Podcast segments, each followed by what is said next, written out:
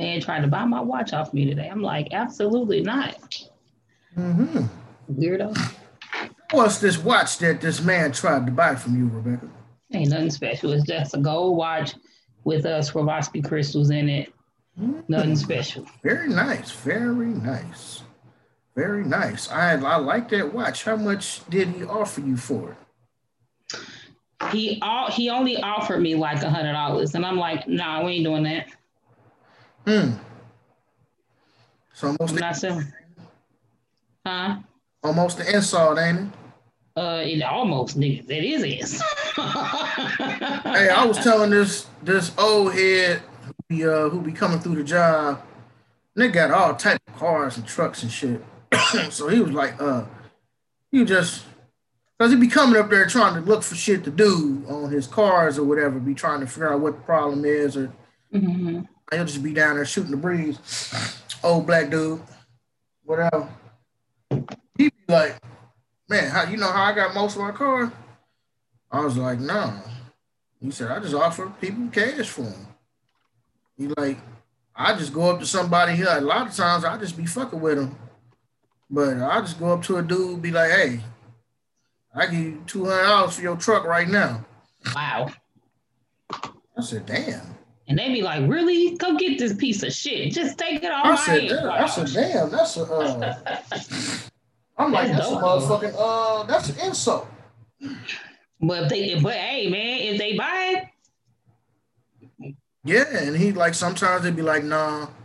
Because at first he asked me if I could buy my truck. He's like, I give you five hundred dollars for I said five hundred dollars. I said, that's like, you know how much money I spent put working in this truck. first I was like, huh? I was like, at first I felt kind of offended. I was like, uh, I got more in the entire fuel system than five hundred dollars. Shit, I had to pay my boy Phil three something, and then the fuel lines cost me three hundred, and the fuel pump cost me 70, 80 bucks with my discount, and the filter and the gas tank straps. So three, six. So I probably spent about seven, eight, just just getting just the fuel lines and stuff replaced. I was going to say just for that. We Right, even just talking for about the other work. Alternator, starter, tires. I said, hell, my tires cost more than five hundred dollars. I was here. Like you you might sure? well say, "Hey, I bought them tires for five hundred. He was like, you like you sure? I was like, uh, yeah. Like, that's that's really an insult. He's like, man, but you know, you'd be surprised. A lot of cats will go for it. Like I just be fucking with people. Like, hey man, I, I'll give you five hundred for your truck right now. They'll be like, nah, but then he might come back two or three weeks later. nigga, so you said five hundred? The situation done changed. The shit. Hey, Yeah. still trying to buy my truck? Five five hundred? Oh, okay. Oh, here you go. Like that's how I get it. He like that's how I get a lot of my cars, man. He like, I was like, that's crazy, bro. Cause five hundred dollars ain't a lot of money. Mm-hmm. Like that ain't shit. But it's a lot of money when somebody need it. Right then and there. Yeah. That's true, but I don't know if I could. But still, I'ma hold out. I know niggas be down bad, boy, especially when they be in the dope game, and you owe that nigga some money. And your life, Lizard, is on the Lizard. I, I Yeah. known or heard about a few niggas who have had a uh, going away sale, damn near a clearance sale. Everything must go. Must go. Because I'm not trying selling to the die. TV, the dryer, the stove, the couches, motherfucker, Silverware, so he could go pay the plug. his cups. Nigga selling everything so he could go pay the plug. Best asking price. Now look, man, I got I got this twenty three hundred. Uh, I'm, gonna get you the rest. of 'em. Nigga, the damn near sold the house so he could pay back the plug. So yeah, that's how it goes. hmm That goes. I, I, I would be offended because I'm like, I, yeah. Pay more than five hundred dollars for the truck. Period. Well, I can't talk because my car, I I like I came I came up on that car like straight up like that's all I can say. I don't even complain. Coming up on the rough side Man, of the river. I can't even complain. Like when I have to get work done for this car, I don't even complain because at the sure. end of the day, I only paid seven hundred and fifty dollars for the car. Right. Um, the only thing I've had to get done is I replaced the tires, but I didn't even have to replace all the tires at the same time. I replaced two last year, replaced two this year, and I got the back brakes done. That was like a homie did them for me, so that was like a hundred some dollars. Right. Um, and then where that nigga, where that nigga Tyler Perry at? And give me that jogging suit. Man, like, oh Lord, oh Lord, um, give me that yeah, seven hundred dollar so, car. Oh Lord. Man, I didn't have no problems. How the only thing I do is get the oil change. I know next month I'll need to get a tune up because it's a 2013, but it was mm-hmm. under 100,000 miles. I had it, I got it at 83,000 miles. Y'all niggas um, looking, up. I swear. And I listen, I've never, I've never looked up like this for nothing. Everything that I've ever purchased, I've always had to pay full mm. fucking price. So this is the only thing that I've ever looked up. So on. how did you get this car for seven hundred dollars? Did you talk down? Nah, man. Like I was just driving down the street. I knew I needed another car. And I was driving down one of these days where I just decided to ride around for whatever dumb reason. And I seen this car lot I don't know, later. Um, and he was going out of business. He has another, he has another car shop on the Missouri side, way on the Missouri side in Lee Summit, but he didn't have enough space to put those vehicles and he had sold the property. So he needed to get rid of them cars. And I hmm. said, Hey, he let me test drive too. And I said, How much are you selling them for? and I took my homeboy with me. He was like, if you got $750 right now, you can have it. So I'm like, do you got the title? Asking all them questions. Has it been this and that? Da. So my homeboy, he let my homeboy take it home. He took it to his shop and I put 500 down on it. And I said, if something is wrong with it more than what you say, I'm coming back. So we had that deal. Like I could drop it off within 24 hours to get my money back. My homeboy took it to his car shop on the Kansas over here on the Kansas side, and he was like, Rebecca, if you don't get this car, you stupid. If you don't get it, I'm getting it because there's nothing mechanical wrong with this car at all. And I haven't had any issues like as far as like engine, fuel pump, transmission, like none of that stuff. Mm. I mean, I get little normal shit, wear and tear, brakes, tires. I just had to replace one of my back, one of my back, um, the bulbs for one of my back lights, and I did that myself. Mm-hmm. Like that's that's four dollars as a change. You know what I'm saying? Like any any like it's just little shit like that. So I can't complain.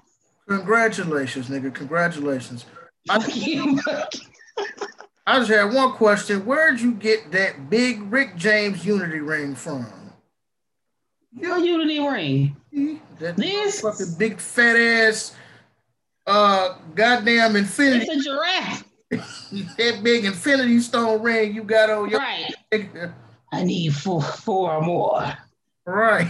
Um, same place I got the watch, same place I got the necklace, same place I got the bracelet, same place I got the earrings. Was that from a black owned company? Business. This is a black owned business who didn't get no money from the white man. Mm. Her, her, her husband, they own the business. They ain't got, it's no outside ownership no outside funding. This was all their money, and they just um they they made like I think they made like five or six million dollars the second year. The first year, no, second year they hit over a million, and then the the third year they just hit like um like six or seven million dollars, like as far as like revenue. Mm-hmm. Um, I got it from this place called ShopSassyJones.com. Ah, Sassy Jones. Fast shipping, quality pieces. All my jewelry come from her. All my purses, yada yada, all the girly shit. But this ain't what we here for. I mean, we, we we do support black business here on this podcast. We do support black business. However, this is not a shopping. This is not a women's channel. This just is not. This isn't. This is really a male dominated, male like male testicular fortitude channel. Like, A hundred percent. Not true. That's That is impossible. You, you, you, you, you're on the Kevin Samuel side of the game. You hate women and you must be gay. Look, the thing about it is, I be wanting to have more women on the platform, but they act I like ain't got time for your bullshit. they act like they scared. Come on, I be it's an No, I open invitation. They gonna turn your Come ass. holler at me. Come holler at me. We can. I'm court. I know y'all say I hate women, but that's simply not true. What you say the same thing about Kevin Samuels, and I've been saying the same shit that Kevin's been saying, and a lot of men been saying. But that's beside the point. Uh, like Rebecca said, that's not what we're here for. We're here for the socially conscious St. Louis podcast. Where we hate women. All hail the Midwest. Um, They became where they, damn it, it's not quite. right. It's not quite three one four day, but happy three one four day to all. Four day, almost, Idiots. yes, in three days. Happy three four, not three fourteen days, niggas. It's three one Three, one, four. three three one four. It's three one four day. Happy three one four day to all my St. Louis affiliates. Get your Imo's, goddamn it. Get your sodas and your and your Vienna, uh, your old Vienna chips and shit. You know, get all of that. Get all of it. Undance chips. barbecue. Get your Chinaman and your Imo's pizza. Definitely get All your the shit gonna Chinaman. fucking kill your ass. Definitely get your MSG filled Chinaman. And your White Castles. It wouldn't be 314 day without that MSG filled Chinaman. Has no MSG.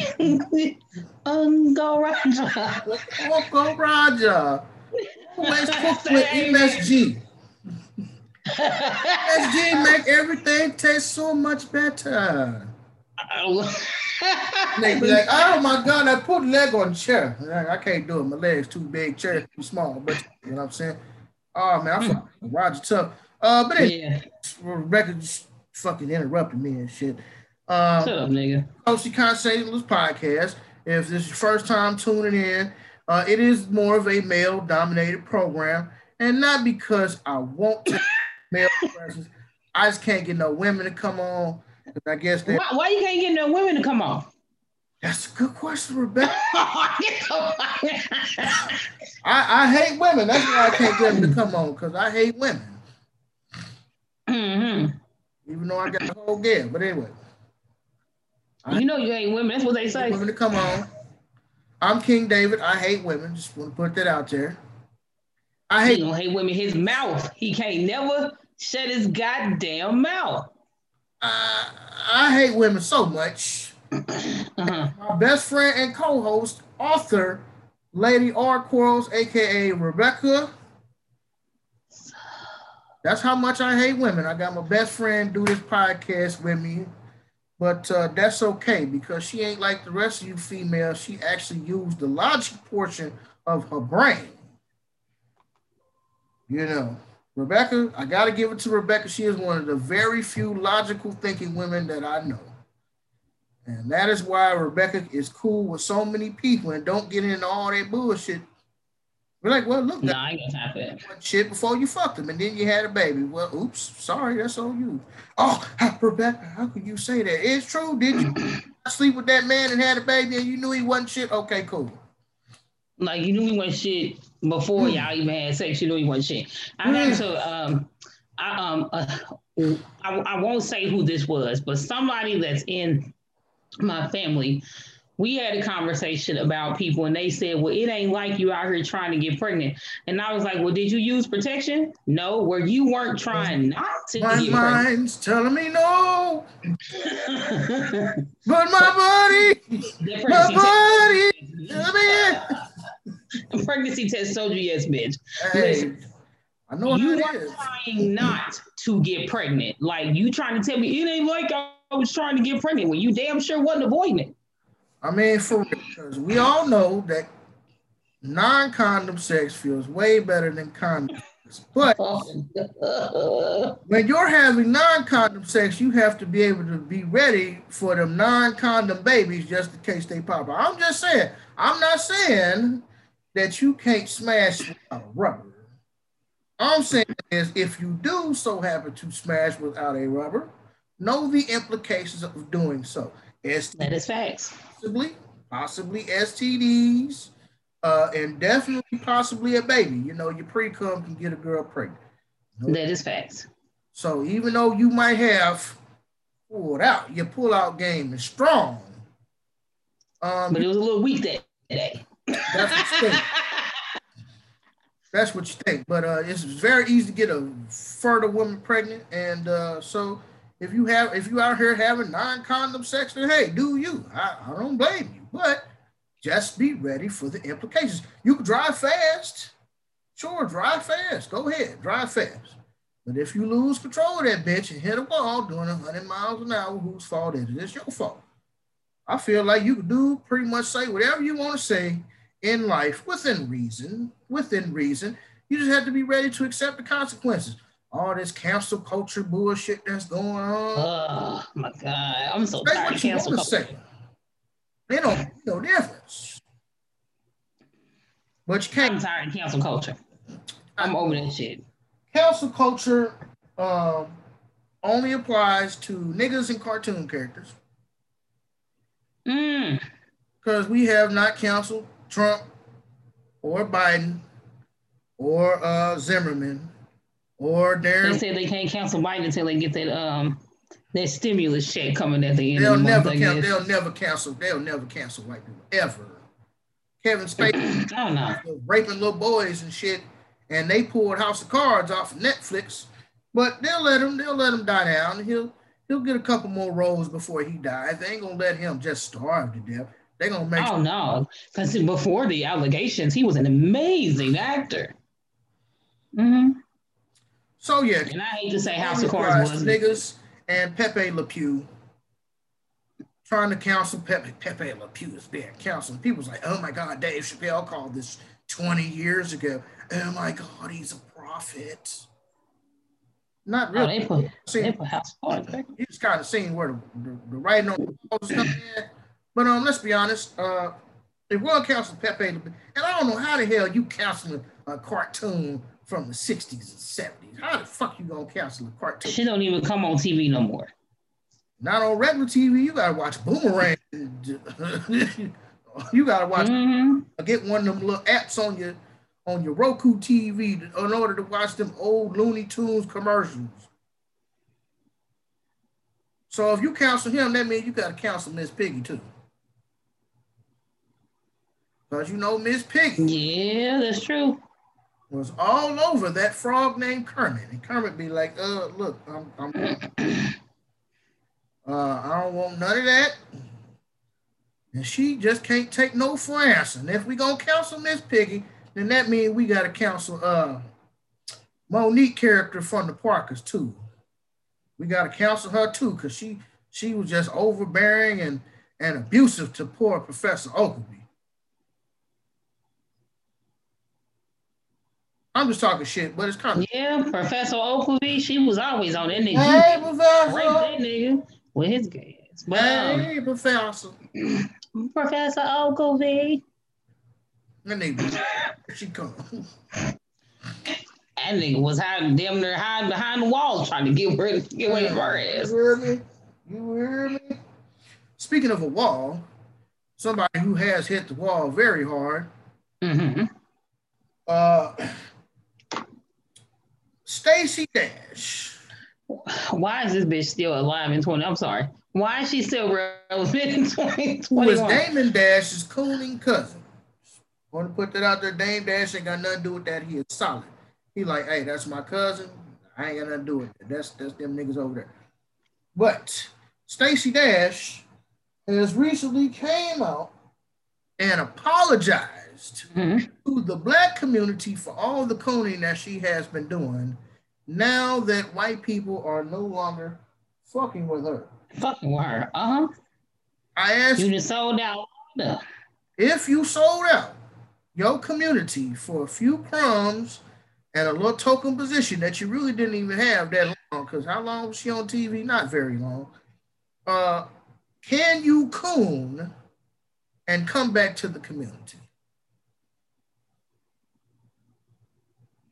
No, not like that. In my opinion, I like that. It's just like somebody said in the comments, you rolled against you rolled against your own people, girl. You are done. It's just as simple like you was cooning all that time. Mm-hmm. And then now you want to be like, oh, well, you guys, I'm so sorry. Nah, some people, I don't know. Some people shouldn't get a pass. They just shouldn't. She's done more harm than good. Hmm. What are your thoughts? I would argue that no one gets a pass. Mm-hmm. Because coons, saboteurs, agent collaborators have always been in the forefront and the back front, always fucking up some shit. let's not be, you know, let's let's just say that there was a, a lot of slave rebellions that were stopped before they could ever get off the ground because some coon went and told Massa. There's a reason why the Haitians killed all the collaborators first before they had a revolution. There's a reason for that. Cooning does not get a pass. I feel like once you betray me, and this might just be an Aquarius thing, but I feel like once you betray me, it's a wrap. if you look at uh, the dude who informed on Fred Hampton, I think his name was something or another, but it was a young dude, and he was 17 when he got co-opted by the FBI, if I'm not mistaken. Dude was like 17 when he got co-opted, you know. And I seen some people just be cruising through Facebook comments, right? I see some people like, oh, well, he was 17 and, you know, he was still a child and we should give him a pass. And other people's like, no, fuck that. Because, uh, mm-hmm. because 17, you're old enough to know what you're doing. You're old enough to know your decisions and what the fuck you doing. Like, it's a lot of 17 year olds been selling dope for four or five years. You know, it's a lot of 17 year olds got bodies under their belt. So, mm-hmm. hold on, somebody knocking on my door, G. Mm-hmm. I'll be right back.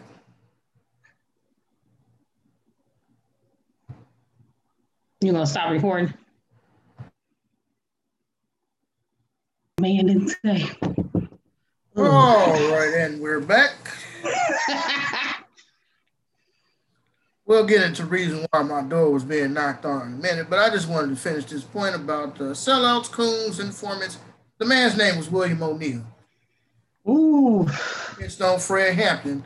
And even after that, they used him to co-opt quite a few other black struggles.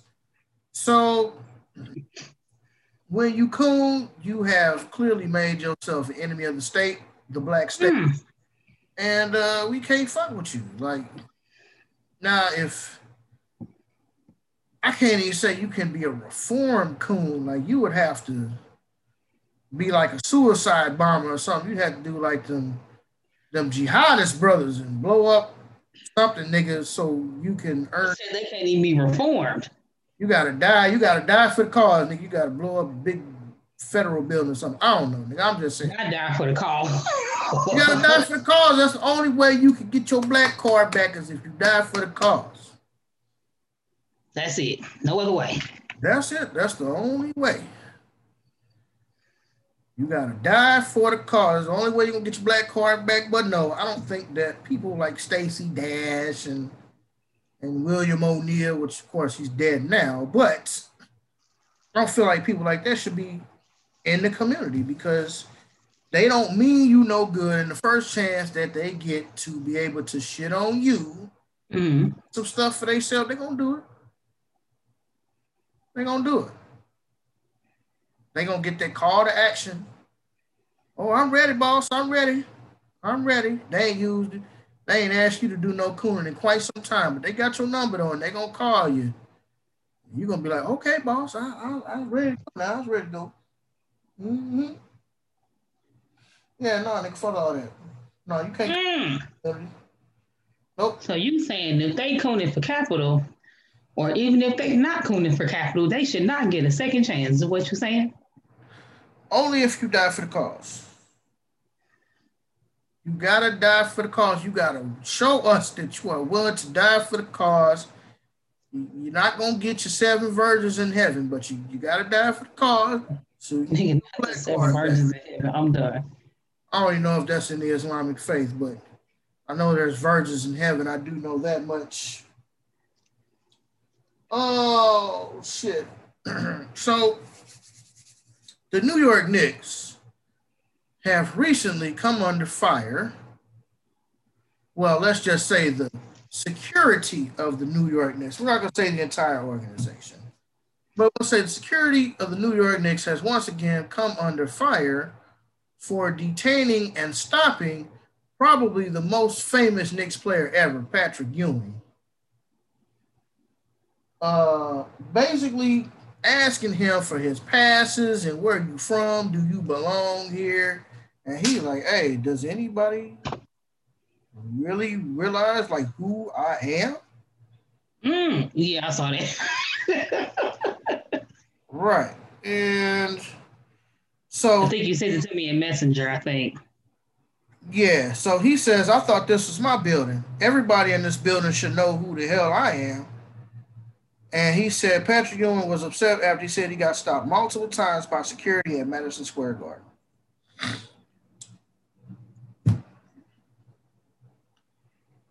Uh, I have two words that you probably not gonna want to hear, but just the honest to God truth: white supremacy. Oh well, mm. that white supremacy because it's always the black people that get stopped. No matter how famous you are, because Spike Lee, Spike Lee has been a famous contributor and season ticket holder to the New York Knicks since like the late 80s, early 90s. This nigga has been at damn near every home game. Mm-hmm. Knicks suck because the Knicks outside of like Patrick Ewing and I think John Stockton was on the team. I could be wrong. I'm not a basketball head. But uh, outside of like the, the Patrick Ewing era with the Knicks, the Knicks was garbage. Knicks was absolutely garbage. Yeah. Straight trash. Even now they're trash. They try to bring in Melo. Melo couldn't do it. just like, like you would think for a market such as New York, which pretty much is just like LA, you have unlimited funds to throw at your sports teams. Why mm-hmm. suck? But I noticed it's a growing trend among black celebrities who are stopped and carded in ideas like, oh, don't you know who I am? They don't give a fuck. Damn about who you are, sir. Everybody knows Spike Lee. Spike Lee been coming to every home game for like 30 years, goddamn it. You mm-hmm. tell me that all this time, you don't know who this nigga is? They should know who I am. I, I've spent all. There's nobody that look like Spike Lee, not even his fucking kids. Like, to me, anyway. And everybody should know who Patrick Ewing is. He's probably the most famous New York Knicker, New York Knickerbocker. Now be careful. White people haven't got in trouble for messing that word up now. I mean, it's it used to be the New York Knickerbockers. Now it's just the New York Knicks, but still, like everybody know who Patrick Ewing is. Even this old, yeah. you know, I'm pretty sure this is not his first. Like he said, he's like multiple times. This, this isn't the first time. Yeah. It's just the first time he spoke out against it. But it's it's it's honestly white supremacy. It's racism. You got these probably they white, probably got these white security guards who don't give a damn who you're at and and who you are and all this bullshit. They just make they don't have the prestige and the celebrity and the money that you got. So they're gonna try to make you suffer. Oh, sorry, you can't get in VIP. What are you talking about, nigga? Own this building. Well, sir, you you, you can't get in the VIP. You gotta get you gotta get a call. Hey, come get this nigga at the front door. What, what, mm-hmm. You doing? This oh, this guy can't come in. He's causing trouble. That's the owner.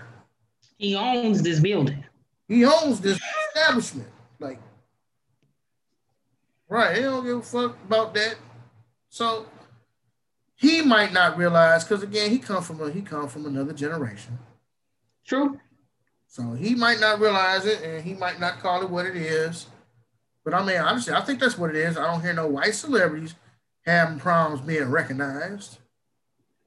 When they be going to the press box and the, you know, all the fancy courtside seats and trying to get to the backstage access passes and stuff like this, I don't hear. I have now. I have yet to hear a white celebrity say that they were stopped or carted or whatever else, trying to get into some places where the security feels like they shouldn't be, even though these celebrities mm-hmm. should be recognizable. Like again, everybody knows Spike Lee.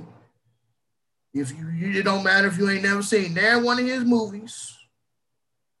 Everybody knows Spike Lee. He gonna be the most loudest, bluest, and yellowest nigga on the court. That's that's gonna be that nigga right there. This nigga is more New York Knick than anybody that ever played for the team, except for maybe Patrick Ewing.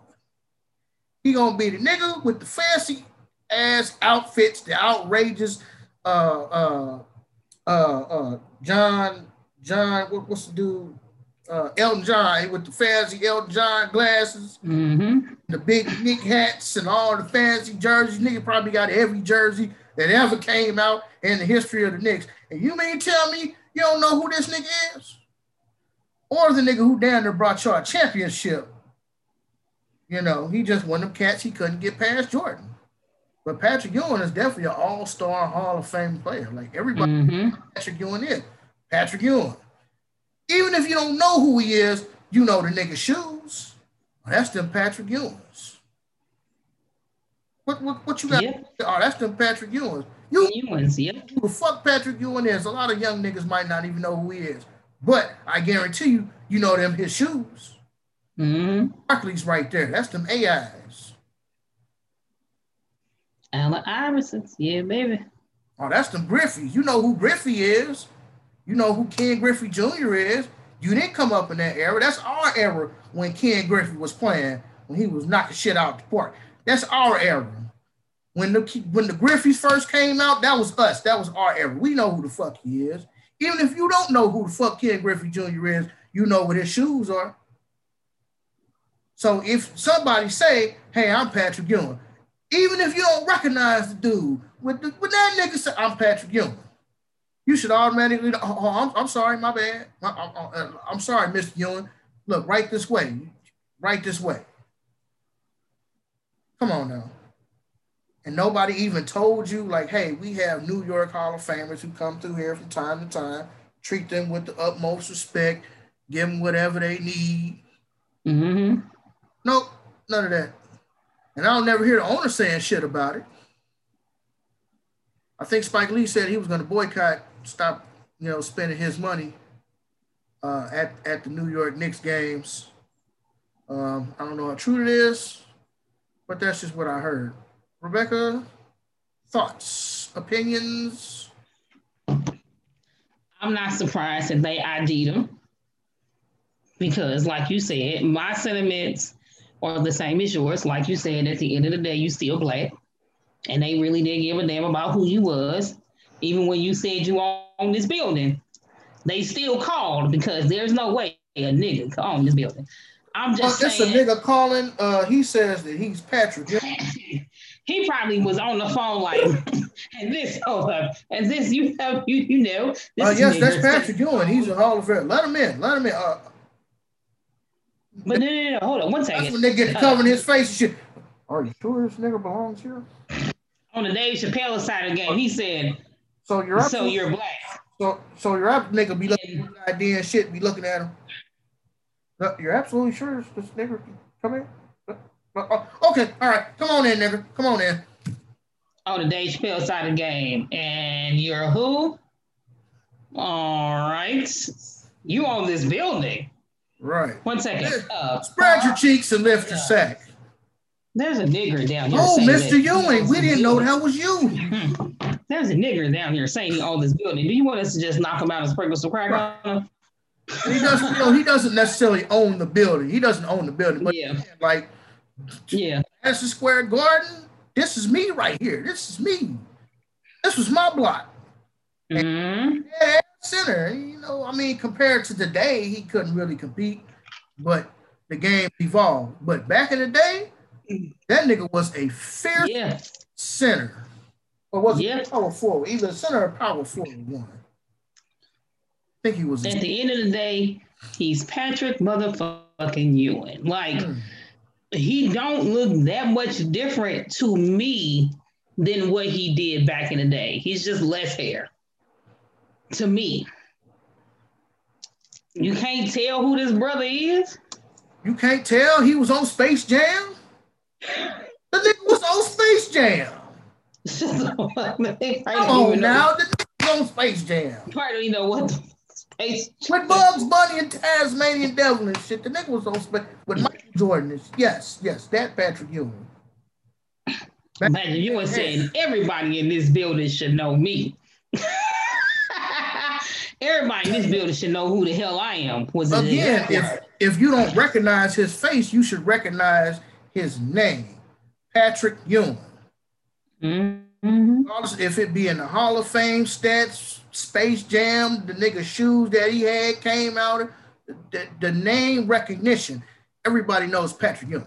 If you are a basketball fan, you know about Patrick Ewing. My brother said, I do want to say one thing, and I feel terrible. I thought this was my terrible. building, and then I, he's, I feel terrible that I'm getting stopped and accosted, asked by people asking for passes. Everybody in this building should know who the hell I am, and I'm getting stopped. I can't move around this building. I was like, what the hell? Is this Madison Square Garden? he said, Mhm.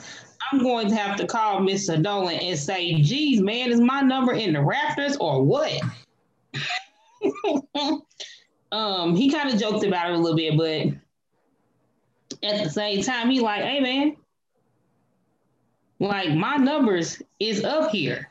My name is up here. Like, y'all, everybody should know me, kind of thing. But Right, right. they don't matter if they know you. They don't give a fuck. At the end, it goes back to the saying.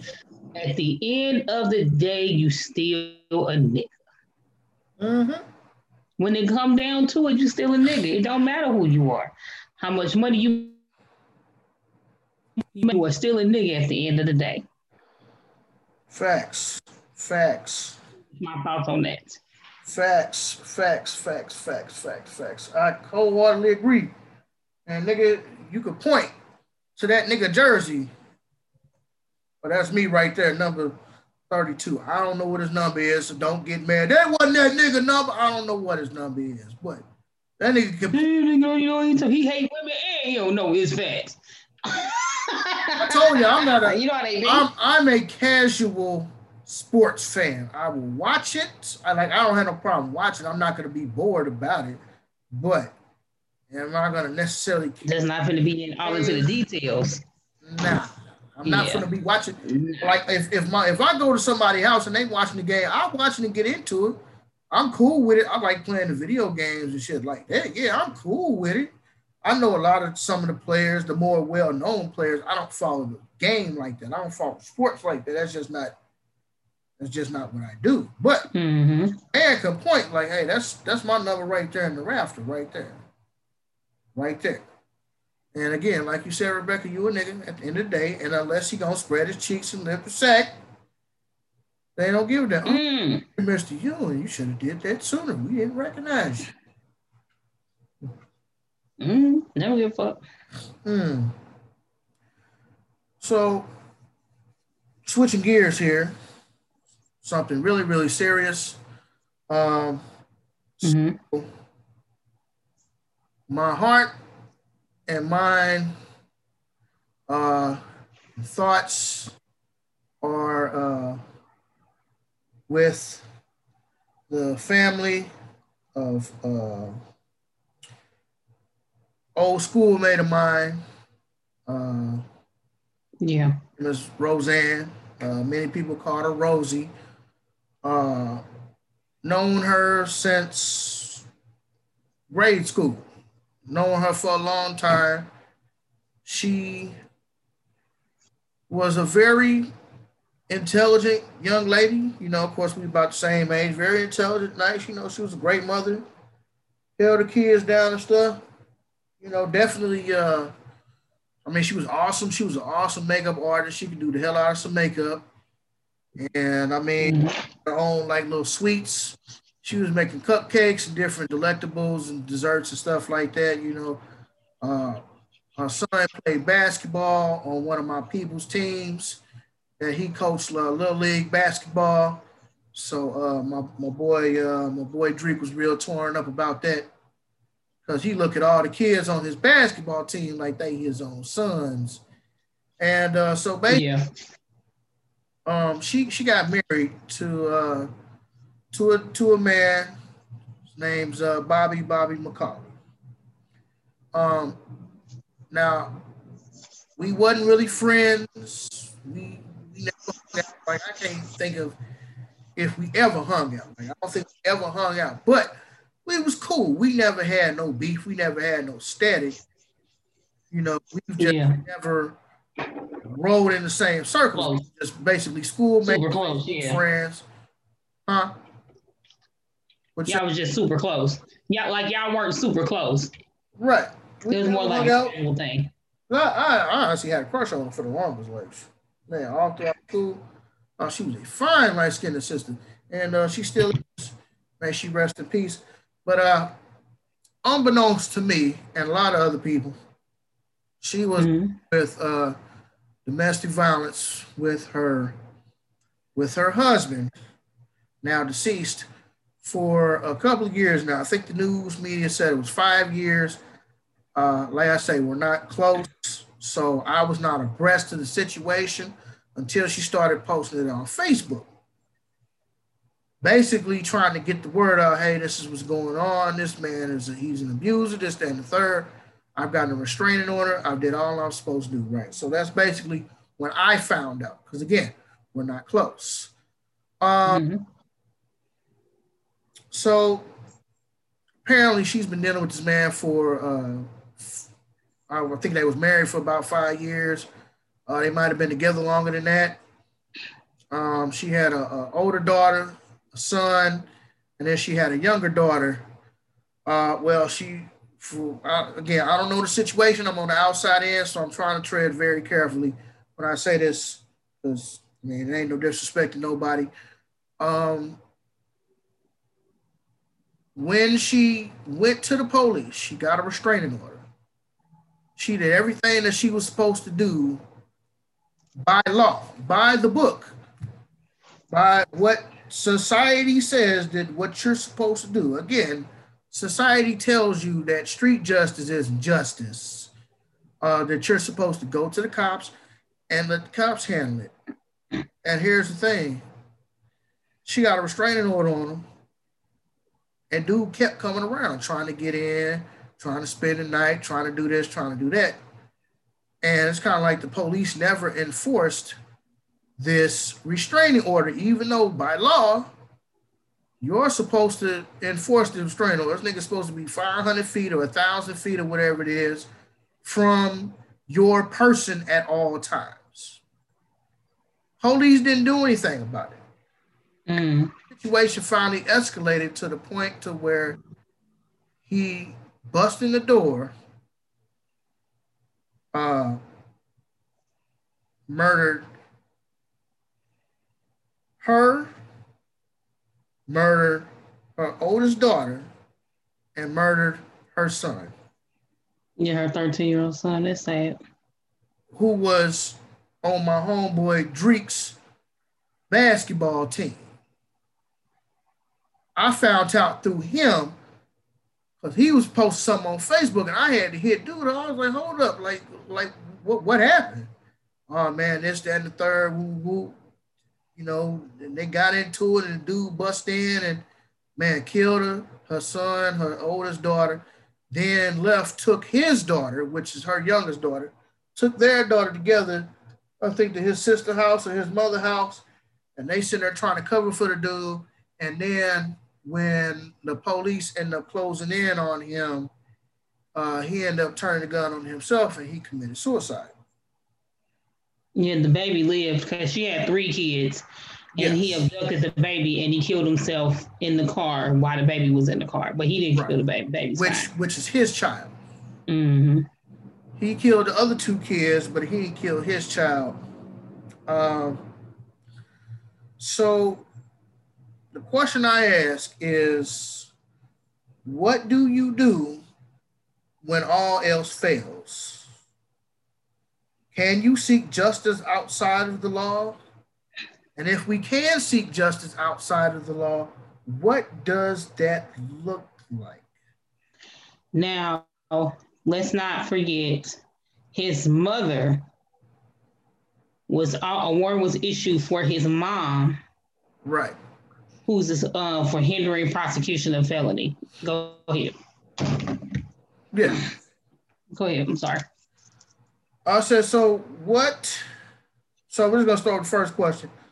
What do you do when all else fails? Like you tried to do it the right way. And by rights, I mean in the white. You You're trying to handle it the white way. Not like white as in white person. Right. But Whoa. white as in like they the it's clean, it's pure. White is yeah. the law. Black and the system below the law. Gray is that happy medium between legal and illegal. Mm-hmm. So your live supposed to be. She did everything she's supposed to do. She filed the paperwork, got a restraining order, like didn't let dude in the house, kept saying no, kept petitioning the police, doing what she was supposed to do, and in the end, the police failed her. And I'm not even gonna say it's a racist thing, because I don't know.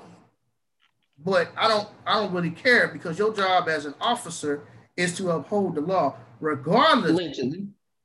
Right. Regardless. Well, no, that's your mandate. Your mandate is to uphold the law.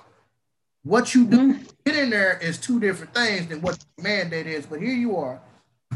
You have a woman who has incredible threat, has yeah. necessary steps to to take care of the situation legally. And in the end, because the police department failed to protect her, her and two out of three of her children are deceased. Yep.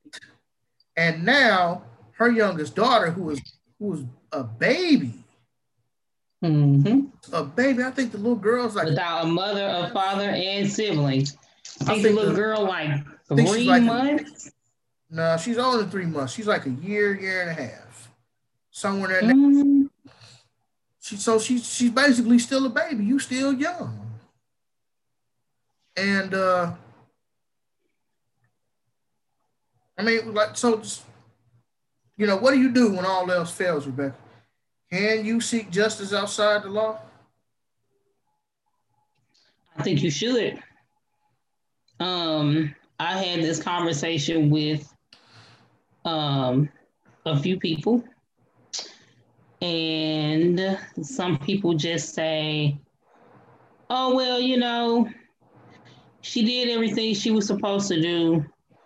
And at the end of the day, the little girl's one years old. Um, at the end of the day, it didn't work. I feel two ways about this. One, 100% is I think it was one of those things where I'm sure she thought to herself, like, if I kill this nigga, how am I going to explain to my kids that I killed their dad? And I'm probably going to go to jail if I kill this nigga. So let me do this by the book, right? By the book. Um, I do think that St. Louis Police Department failed her 100%. And I'm not saying that suing them is um is justifiable in the sense of like bringing her life back because that's not possible. However, I do feel like they should be held accountable for that. But at the end of the day, we talking about a system that don't give a fuck about black people anyway. And I'm not going to say it's about race. However, in my experience with police, and seeing domestic violence situations on both spectrums, white people are taken a little bit more seriously than African Americans. It's just from what I've seen. I have a mother who was in consistent um, domestic violence cases, um, situations. I also have one of my sisters who was also in domestic two two actually I lied two that was in domestic violence situations and have called the police. The police are slow to come over, and even if they do like submit um, restraining orders and all that, and these people break the restraining order, there's really no repercussions for them except for they running everybody's name at the house to try to see who they can take to jail. And when that, when that doesn't work, the guy isn't even arrested for breaking the restraining order. He's just like, oh, well, you just need to go home. And the police literally, if they don't have a ride, will take them home. Like I've seen that. On the other hand, when I've seen domestic violence situations with Caucasian women, like when I tell you police are there in minutes, um, the situation is when I tell you everybody is a suspect until she points out who it was. And even after she points out who it was, it's you everybody is still on high alert, like anybody can go to jail at any time, type of thing. And that person is then arrested. Like there is no questions asked. You shouldn't have been here. Who out this and that. Um, mm. So I, I, can say it because I physically have been there to witness it. Um, I've also seen domestic violence situations, and this isn't in this sister's case because there is no no excuse for loss of life, especially of herself and her kids. Nigga, if you felt like that, you should have just fucking killed yourself. At least you would just have one parent grieving over a piece of shit son, and that's just how I feel about that. And mm, I'm not gonna go there because I don't know the mother's position it. Even though they issued her a warrant, I don't know if she was the type of mother who took up for the son. Oh, don't take him to jail. He just got a few problems. It's gonna be okay. Blah blah blah. I don't know if she was that type of parent. If she is, she wants shit for that. But that's neither here nor there because I can't verify that. Um, I've seen domestic violence situations in which these men will be trying to get away from the women and the women is steady picking at them. And then the man just can't take it no more because they trying to get out the house. The woman won't let them leave, and and you have some people say, "Well, how come? Uh, how can a woman make you stay in the house?" And it's like this bitch is blocking the door. You trying not to put your hands on her because you're trying to avoid her calling the police. But then she's steady two piecing you, and it's only so many hits you gonna take kind of thing. I've seen that. I've seen situations where a woman didn't do nothing and this dude beat their ass. And then the family come over, get the dude out the house because calling the police ain't work. They get the dude out the house, they beat his ass, and the woman let him come back. In this sister's case, that's this was not it. She did everything that the law tells you that you're supposed to do and they ain't shit for that because there's no, no excuse that you failed her, you failed them children, you failed their families, and you and I mean, essentially you failed the suspect's family as well. Because not only did this nigga kill himself, he killed three other people. And you that affects people that you don't even fucking see. That not only affects the family, but that affects fucking, I can't imagine being this girl's mama. You just lost your daughter and two grandkids, and you gotta raise another one. I can't imagine being just being her mother. I understand the siblings are gonna be hurt, cousins, friends at school, whatever. But I can't imagine being this girl's mama.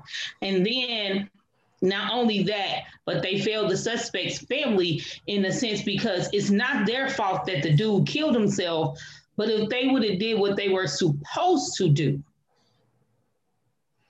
possibly this man wouldn't have been in jail to not kill himself, in my opinion. So that's all I have to say about that. All right. So um Can you seek justice outside the law? Of course. You know, what, should. what do you do when all else fails? Take justice into your own hands. I'm sorry, people don't want to hear that, but it's the truth. There's a reason why uh, the criminal underworld has always existed. Mm-hmm. Even in the black community, the criminal underworld helped build and fund a lot of our institutions. Some American institutions at that, like the lottery, the numbers runners were street cats. You know, the niggas who protected the neighborhood, the Black Panthers, a lot of them were street cats. You see what I'm saying? So you at a certain point, yeah, I think you should try to do things uh, by the book um, for for paperwork cases. You know what I'm saying? For paperwork, uh, just you can have a trail that says, "Hey, I did this. I got a restraining order. I did this. I did that. I took necessary steps." Uh, I have my CCW or Missouri. You don't need a CCW, uh, but you know somebody broke into your house or whatever it is, and you had to use necessary force, and you had to take that person out of there because things like this should have been avoided. There's no way that the police department should have let this get that far. Like, I wish somebody would have gotten at dude the first time he laid hands on. I wish somebody would have got him the first time because, especially in the black community, like uh, like Rebecca had already said, like you know they don't really view us the same as they do whites. So their effort is going to be very lackluster most times when it comes to dealing with us. Uh, but uh, I don't know if anybody ever seen The Godfather. If you look at The Godfather, Godfather One, there's a scene uh, on the day of Marlon Brando's daughter's wedding. You know, this the day of my daughter's wedding. So in walks this Undertaker. Anybody seen the movie? You know, you follow me. You know what I'm talking about. So in walks Undertaker. And I forget exactly what his problem is. I think some guys were selling oops insurance or something like this here. And uh, he tried to get protection by the law and the law did not work. So then he came to Marlon Brando, who is the Godfather, and uh, the Godfather tells him, he said, I understand, you know, you try to be a good American. I understand you want to do things by the law, that, you know, you're just getting to this country. You know, you don't want to make any waves, essentially uh, he said, But I am your godfather, and you have neglected me. You know, only now that you have problems do you come to me when you had should have came to me sooner and the problem wouldn't have gotten this far. And so dude's like, well, this is the day of my daughter's wedding. I can't refuse a favor, but there's going to come a time when I'm going to be able to utilize all your goods and services for myself, which he later leveraged to clean up Santino, which was his older son, who end up getting killed for whooping his sister's husband's ass all out in the middle of the street. I'm talking about whooped his ass, hit him with a trash can, that's some more shit, and dude ended up setting him up, and he ended up getting killed later on which could have been avoided if Santino wasn't such a hothead, but that's beside the point. So it, it's kind of a slippery slope, but at the same time, like justice comes in many forms. Uh, police have justice. There's street justice. You still you still uh, muted, Rebecca. Uh, there's street justice. Karma is a form of justice because karma is real uh, sometimes it's swift. Sometimes karma is uh, very slow, but eventually yeah. karma will catch up to you. That's the reason. Yeah. Me personally, just just me, I don't tune up a lot of niggas who I really should have. niggas mm. money, niggas who did this, that, and the third. We ain't gonna go into detail, but it's all the niggas I could think of. Yeah, baby. Fucked up. Two ass up. Not necessarily murder them, throw their body off of the, the Mississippi River. But definitely. No, just, they just need a little fine tuning. Just a little. Just a little, little fine tuning, but I, I don't want that type of karma to come back on me because I don't want that type yeah. of to come back on me. But exigent circumstances, yeah. I believe, even as a Christian, as a Muslim, whatever the fuck it is that you believe in or you don't believe in, I believe that regardless of what man's law says, mm-hmm. nature, the laws of the universe will back your play. They'll prevail, yeah. The universe will punish you for doing what you have to do. Mm. Yeah. My boy Rob called me up. He called me up, said, Hey Dave, uh, I'm looking for something without no serial numbers, if you catch my drift. Mm-hmm. I said, Well, no, Rob, you know, uh, I don't get down like that. You know, I'm a security guard. All of the weapons that I own are registered in my name. So if something happens, yeah, justified and where I have to shoot, ain't no way anybody can ever get me caught up because everything's in my name. He's like, Well, the reason why I'm calling is my goddaughter got molested or something, or tried to get molested by this dude who's about as old as him and her daddy, who's supposed family friend. Ooh. And I'm not exactly sure if the girl got molested or he tried to, or, or he tried to do it. Yeah. They, you know, said something sexually explicit to the girl, but they tuned him up. Beat, it, beat him up. He said, the nigga. Now, no, first they talked to him. He said, Dave, we talked to the man. Hey, this, this, don't do this. This, that, and third. The next time you do it, just know there's gonna be consequences. Yeah. Again. And so they beat his ass. They find they tuned dude up pretty good. I'm talking about beat dog shit out of him. And they should have. Then the nigga did it again. So he like at this point, Dave, he like, man, this is my goddaughter. I love her like she my own child. He said, what am I supposed to do? And I said, well, Rob, I can't tell you what you're supposed to do or what you're not supposed to do. But I will tell you like this there are certain cultures in Africa who will find a child molester. If they catch you molesting a child, they will cut your dick off, put a tie mm-hmm. you, and set you on fire. Mm-hmm. I don't know what specific African cultures do that, but I do know, and I have read quite a few stories, that that is how certain African cultures deal with pedophiles. Some deal with thieves like they'll cut the hand off. Like I know there was one story I was reading. This African dude was dealing with his neighbor who was a thief, and he caught him and he cut the nigga hand off and turned it into an ashtray. He didn't cold blooded. He didn't kill the dude, but he chopped his hand off. And every time you see his neighbor and that neighbor see that ashtray, he gonna think twice about stealing from somebody. Bet you that nigga didn't steal no more. So I think there are certain circumstances, situations in which you are justified killing someone. Yeah. Because honestly, I wish somebody would have got it do. Now I didn't know him. Uh, this other gal who I'm friends with was friends with him, and I don't know his situation. I don't know if nigga had mental illness or whatever the case. That's not really an excuse, but I don't know the nigga's medical history or this, that, and the third. I'm just gonna say if somebody got with dude the first time, the second time, the third time, however many happen times it happened, before yeah.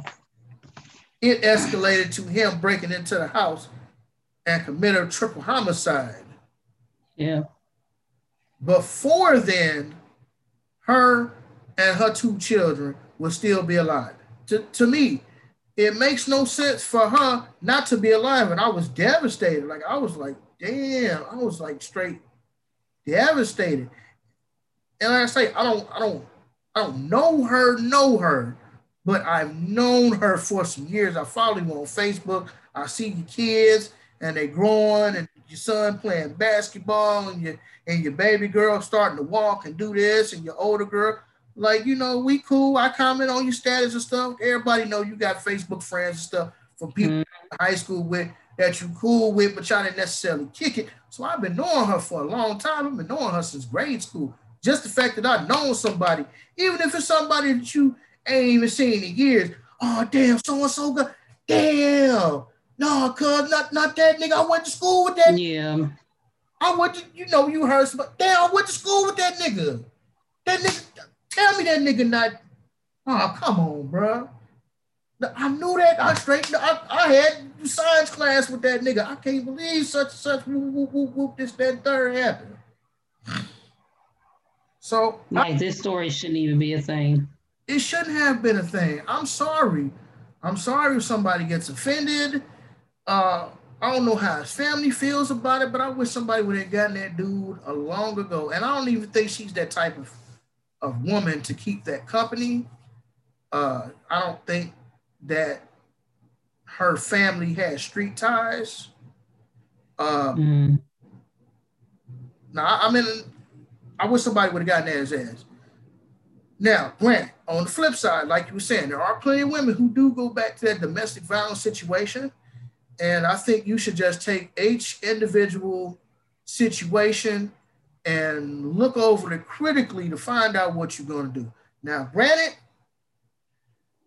even if I had sisters, because like I wanted my boy to come on, because he was basically saying like his two sisters like abusing ass niggas, and they keep going back to him. He like, well, what am I supposed to do? I'm like, he like, because they keep going back to the dudes. I like, I understand that, but it's kind of like it's kind of like a Remington Agent King situation where you see impending danger coming your way, and you want to do everything in your power to prevent this impending danger to reach this person that you care about. But this person that you care about doesn't see the impending danger, nor does mm-hmm. or he care about it, and continues to do bullshit like ain't nothing ever happened. It's kind of one of them situations. Damned if you do, damned if you don't. But for me, just for me, I don't give a fuck about none of that shit. I would rather go handle this nigga, whether it be myself, whether it be me and a couple of partners of mine. I would rather go handle this nigga and you be mad at me and alive than him killing you and being dead. I'm just saying. That's just me. That's just me. So, what does justice look like? I think justice looks like some shit where you didn't have no other choice but to get down like that. I'm not saying that, you know, the first time somebody lay your hands on your sister, something like that, you go murk a nigga. I'm not saying that. But what I'm saying is, if you feel like you have taken all the necessary steps to handle this situation above the law, as it were, above the law, then if you got to do what you got to do, you go, you know, you got to go get that 38 snub from that pawn shop or whatever it is. Hey, nigga, you just got to do what you got to do. Cause now, now here, cause cause we're poor, so whatever gonna happen, we got to do it ourselves. Now on the flip side, let's let's let's flip this whole equation around. Talking about living in the moral gray area. You know who lives more in the black than anybody? Rich people. Rich people do a whole, a lot of rich people be living more so in the black than they do the white. If they need to off somebody, all they got to do is get their account to wire ten, twenty thousand dollars to this offshore account in the Caymans or somewhere, so you can hire this hitman, so you can go kill somebody who you don't like, whether it be your business partner, you know, somebody in your family or whatever it is. Somebody rich can just pay somebody to do their dirty work for them. Just pay somebody. Hey, here, here go. Here go the money. Like the AC/DC song, Dirty Deeds Done Dirt Cheap. Pick up the phone. I'm always home. Call me anytime. Because rich people got the type of paper. So again, on the flip side, they can pay somebody to do their shit for them. They ain't got to do it. Now, granted, they asked liable to take you on a hunting expedition, and you know only three out of four of y'all return from this hunting expedition. They will do that too. They're full full fault into a false sense of security, like everything Yeah. good.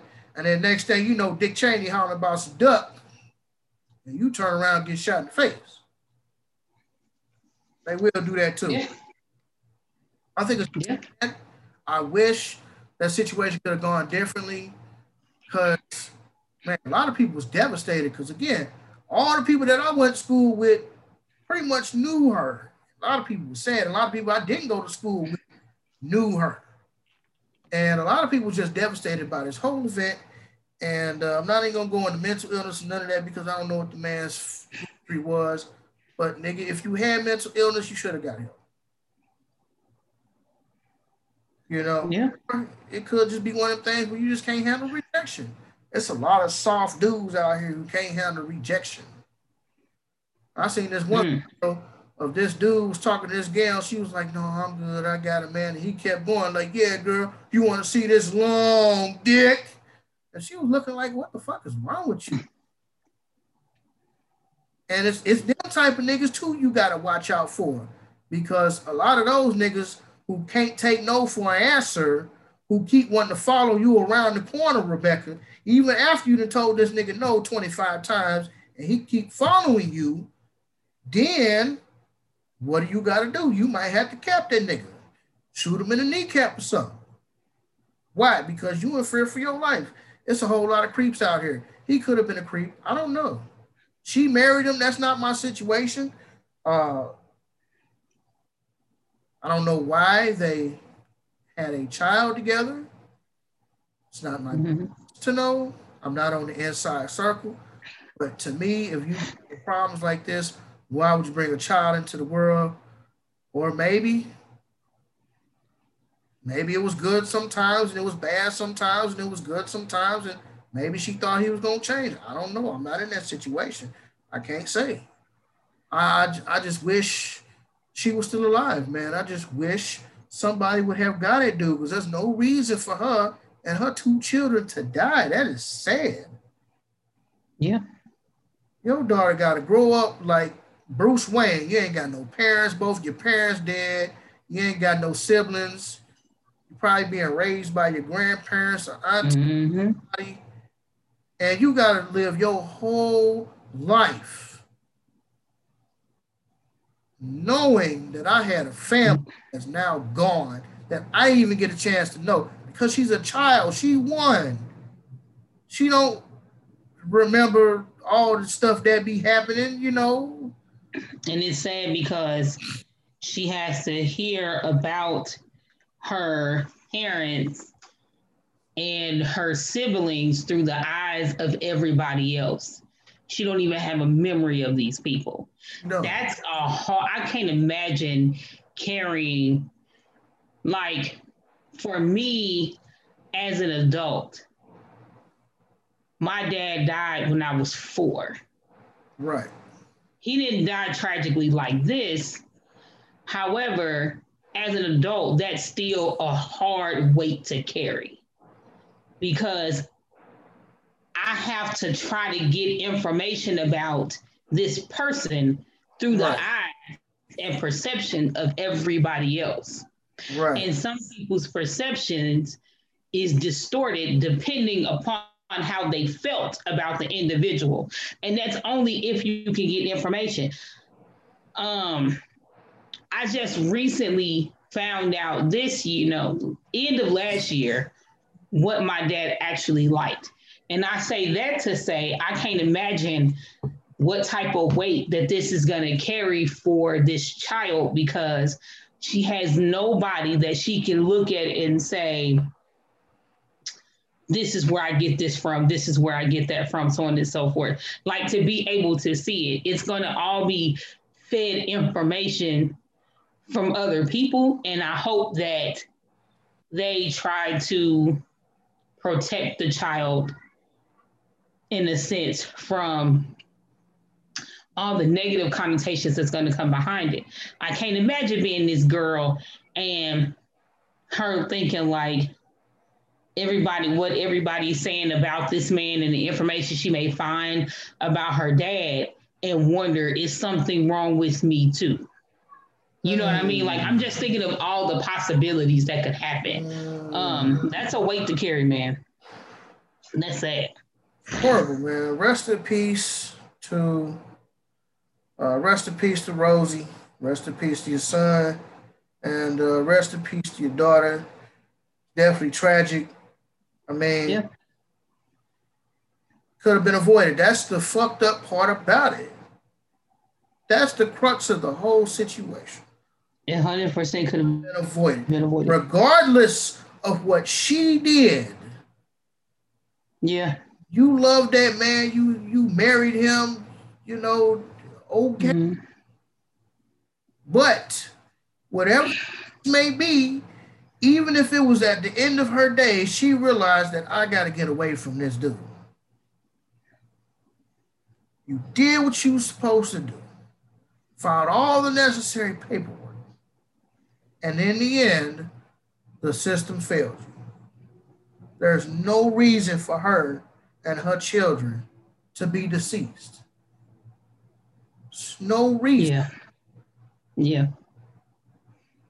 I wish more people took their safety seriously. I don't think she was a gun owner. I could be wrong.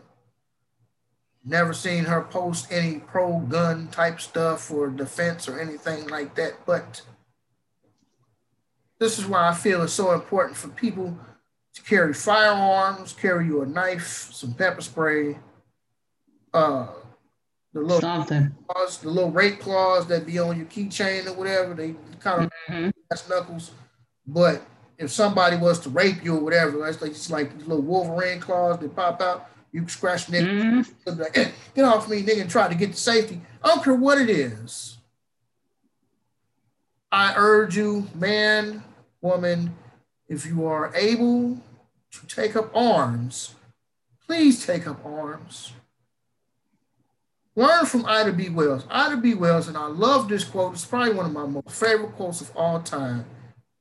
Ida B. Wells famously said that a Winchester rifle deserves a place of honor in every Black home to provide protection from which the law refuses to give. Yep.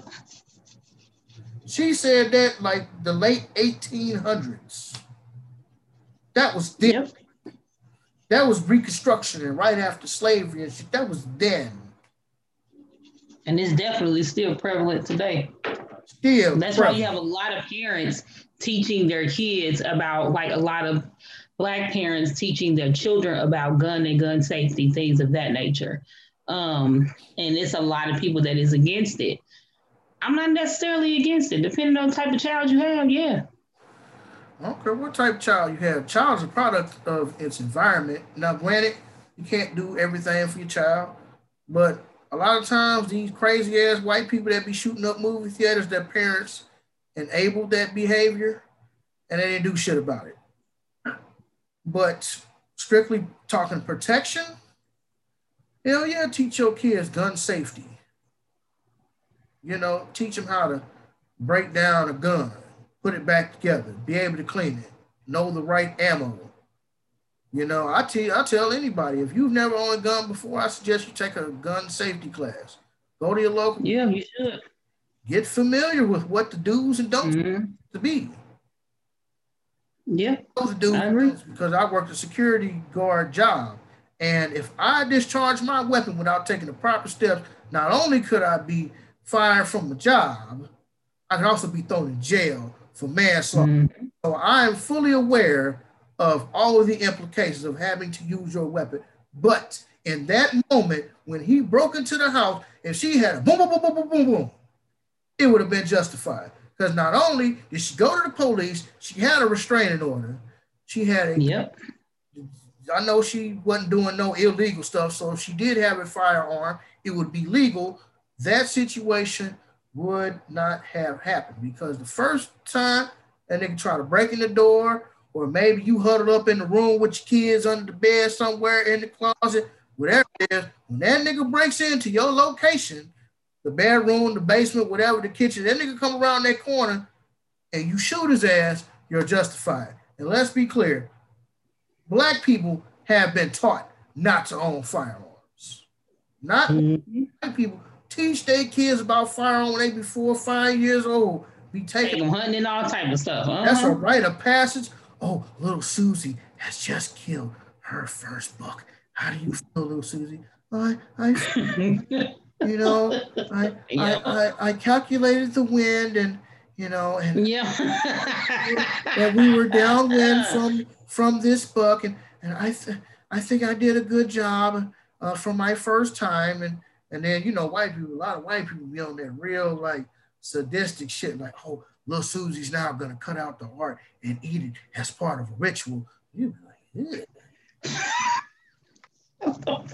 what they do, they'll teach their kids how hunt, go skin that deer, just make some deer jerky, mm-hmm. deer ribs out of that motherfucker. White people gonna teach their kids how to use guns.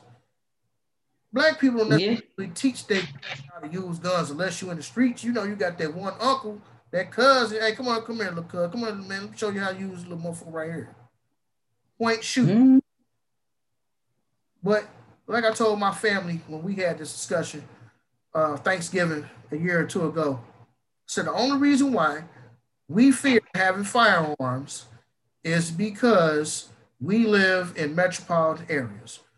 We feel that we live in a society where the police, the fire department, and the EMS is just on speed down and they are one call away, so you feel safe. But here's where that goes wrong. Yes, you can call the EMS. Five minutes at the earliest. Knowing you a nigga in the city, it could take for never. You know, they could never come. Mm-hmm. And living in the city, they could never come. And you have to be able to protect yourself between the time this motherfucker breaks into your house to the time uh to the time the police get there. Remember from South Central? Mm-hmm. Was trying to steal that radio out that old man car, and he put that goddamn buckshot in his back blew that nigga back out. I bet little Ray Ray didn't think twice about stealing from a nigga. Yeah. I'm just saying. So Rebecca, coming to America. Mm-hmm. Number two to America. You seen it, right? You, you said, what did I think? America. You seen come to Yeah, America. I saw it. What do you think about coming to America? I thought it was good. I thought number two um, America, not coming to America, y'all. Right. Um, I thought it was good. I what a lot of people did was they went and watched the first one and then watched the second one. I did not do that. I saw the first one years ago several times. I didn't need to see it twice. I mean, well, more than more than six times because you know that's just a household staple.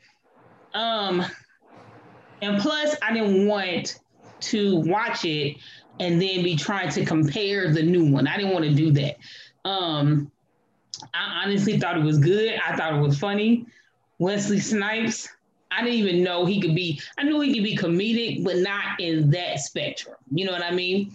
Um, I could tell he was trying not to get his ass whooped. Like them fighting scenes was hard for me to watch with him because I know he's trained in certain things. You know what I'm saying? So especially certain types of martial arts. So it's kind of hard for me to see a little girl whoop his ass. But um, but I mean, overall, I thought it was good, man. Um, they pulled a lot of they pulled a lot of the old actors from it, um, which I thought was dope. A lot of yes. they they finally released that barking spirit off my girl. I was happy about that. Um, and the way that they did it, they made it seem like this bitch has been barking since 1988. Did you see her makeup and shit? Like I just thought I thought that was funny. She looked exhausted as a motherfucker, which was the intent, which I know was the intent. Um, mm-hmm. Lisa Leslie, thank God, her hair was decent. Listen, I'm all Big Les, her name. That's uh, that's not Lisa Leslie. Not Lisa Leslie. Um, Leslie Jones. Leslie um, Jones. Big Les. I get confused with the basketball player. I, I fucked that up. Um, but anyway, Leslie Jones. Thank God her hair was not sticking. Thank, I'm just happy that wig that hey. gave her was dope. She looked good in the movie. She Yo, did, I'm she, not gonna lie. That coming to America was the first time I have ever looked at Big Les in a sexual light. I wouldn't go that far, nigga, but um. Well, you're not a dude, but I ain't gonna lie. Big Les look pretty good in the movie, but it's not like, oh man, she don't really have no booty. She got all you know upstairs titties and carrying on, but it's just the crazy antics and the facial expressions and the and the wild hairdo. When she's dressed more, I think it was just the hair for me. The when hair, hair is what when she's dressed more feminine and her hair is a lot more feminine and it's braided or it's this is that. It's not sticking straight up like where the wild girl and the makeup that she did have really softened her facial features because she is strong in the face. It ain't her fault. It's a daddy fault. But she is a little strong in the face. So, you know, the makeup artist did a really good job softening her strong African phenotypes. Not trying to be funny, I'm just being honest they really softened her strong African phenotypes. And let's go. Oh, I ain't gonna lie, she looked kind of good. They did a very good job. I'm glad that she didn't hair all over her head. Well, continue, Rebecca, with what you said.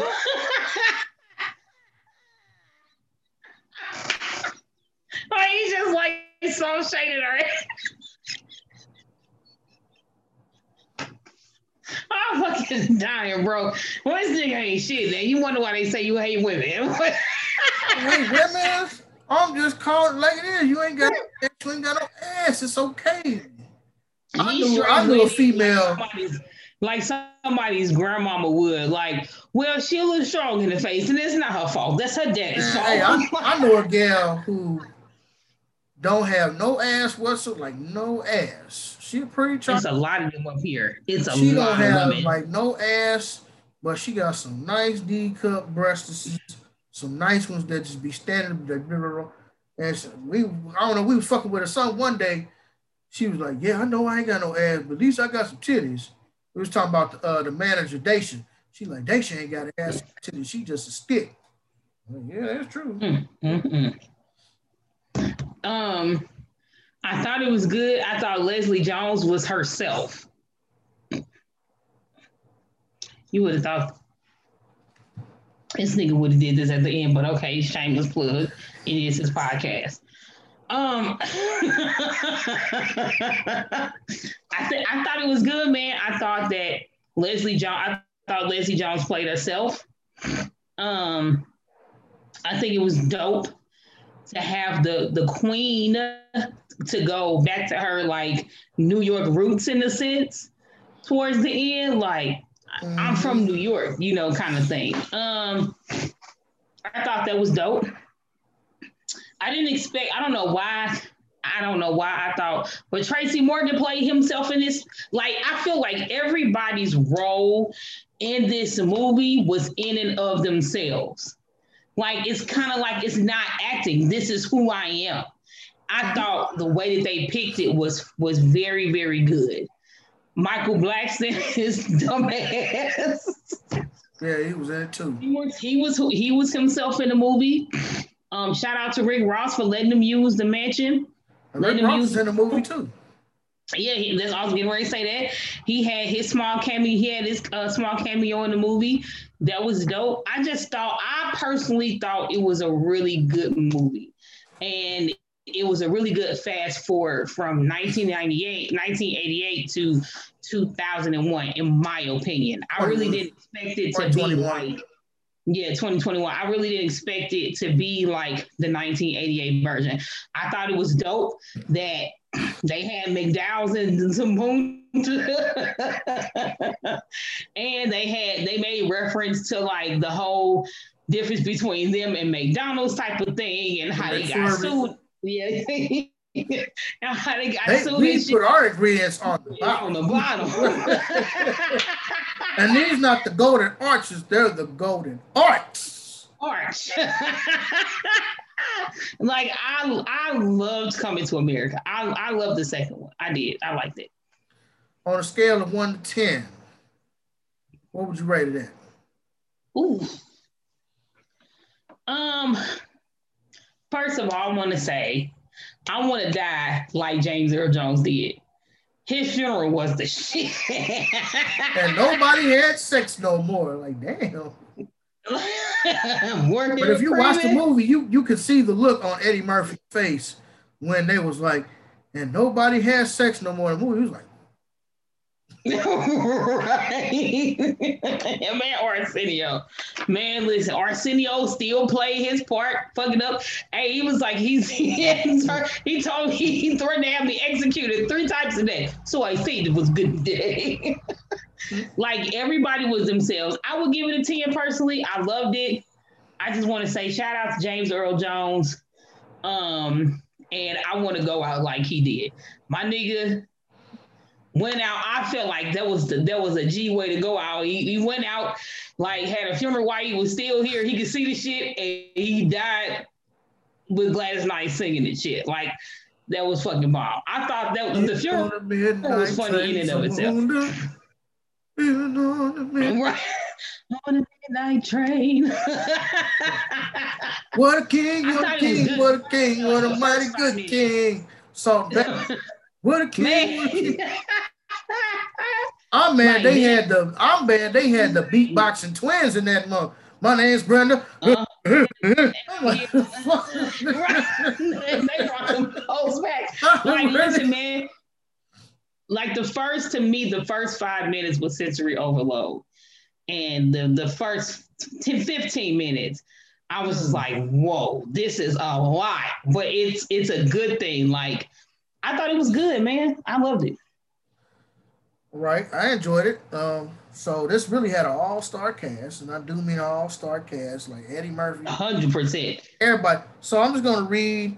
There's actually 171 cast members, but there's a lot of people who played roles, no matter how small they was roles here. And some people's like, oh, I wish Dre from Power or Teyana Taylor would have had bigger roles. Like, no, they they. Rotimi was in there, yeah.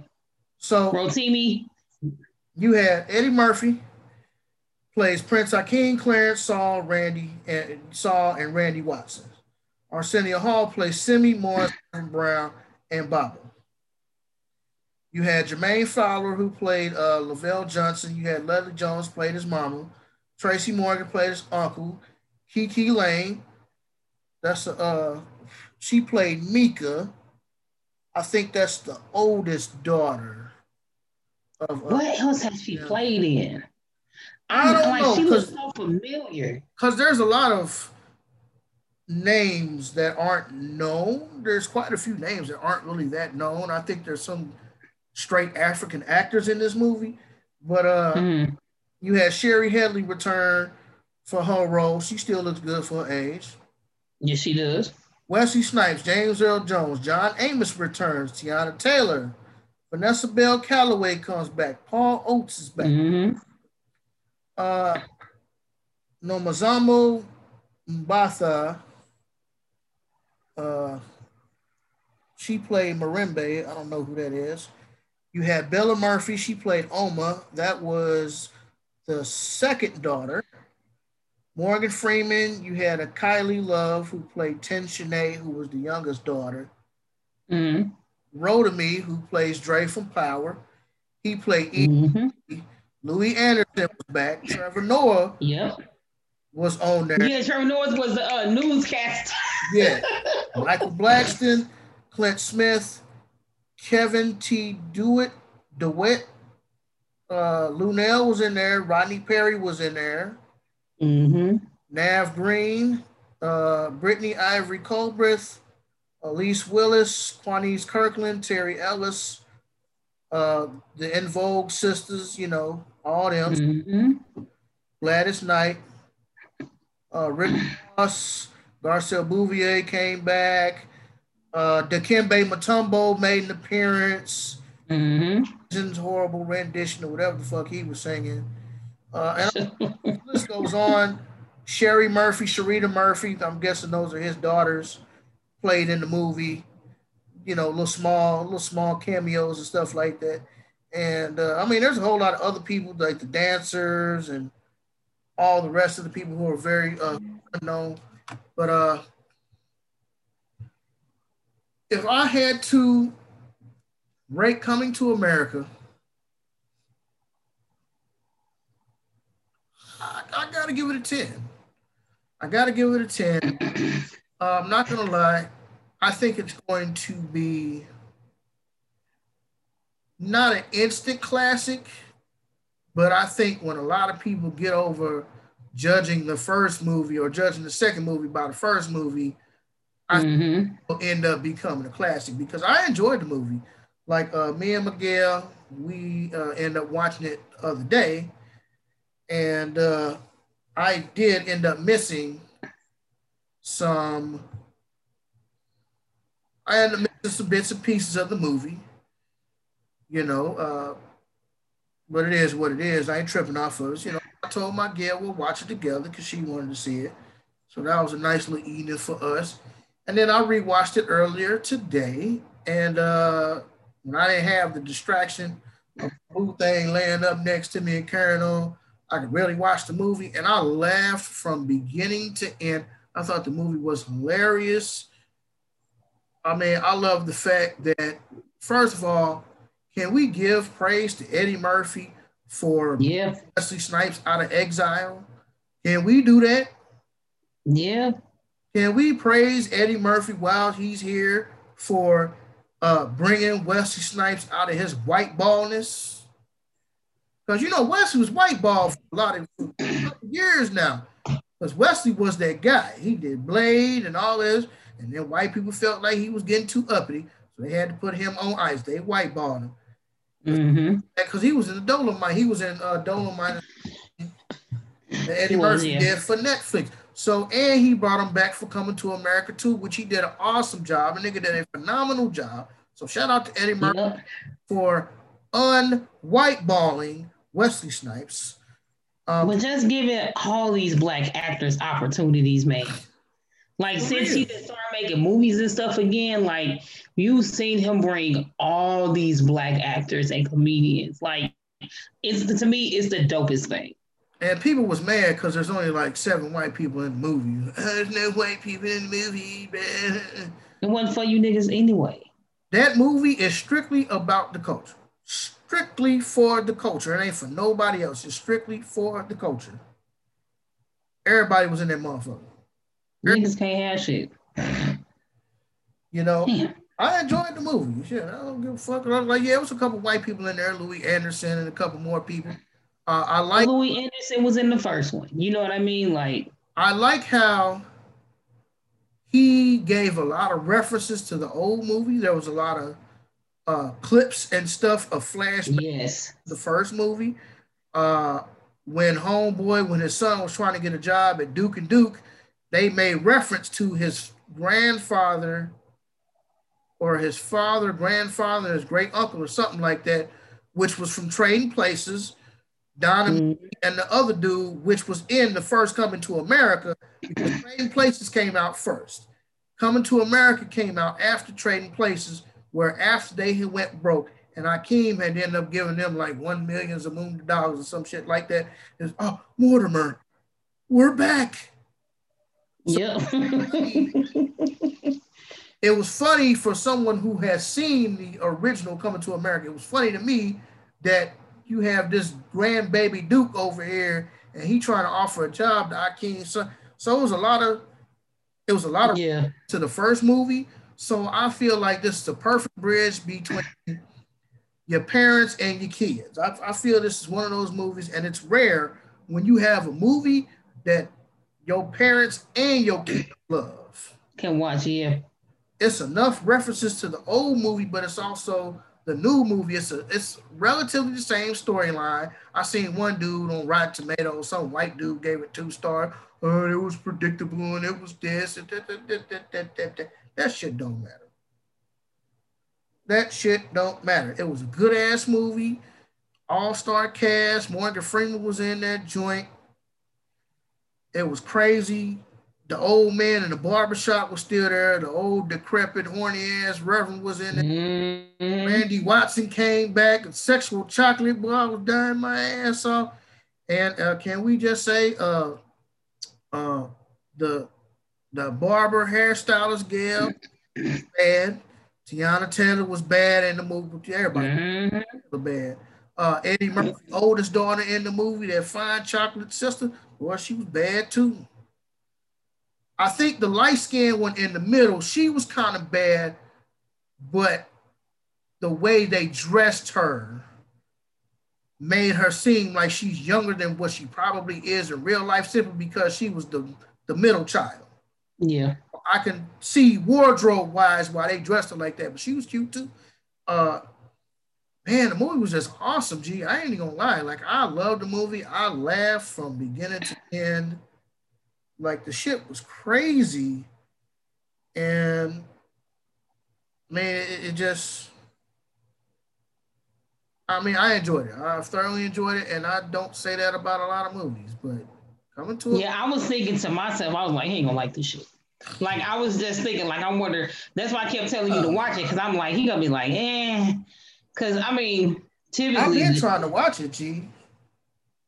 I was I because when I saw previews, I was like, oh, I gotta see this, and it just so happened that uh my gal wanted to see it too. She was saying it came in the movies. And I was like, nah, babe, it ain't coming in the movies.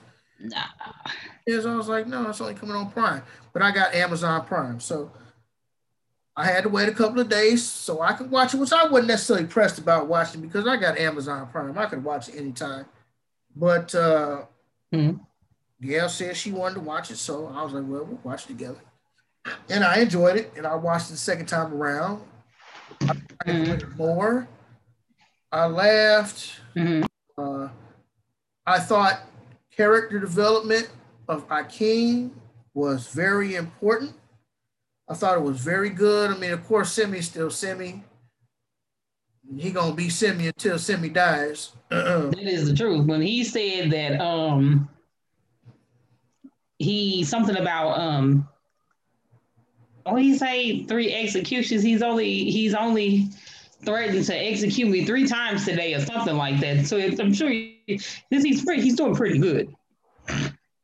Yeah. So, so the fact that Akeem uh, had forgotten who he was, yeah, where he came from, what he had to do to find his queen, the fact that he broke barriers, he had to be reminded of who he was when he was first seeking out his wife, his queen.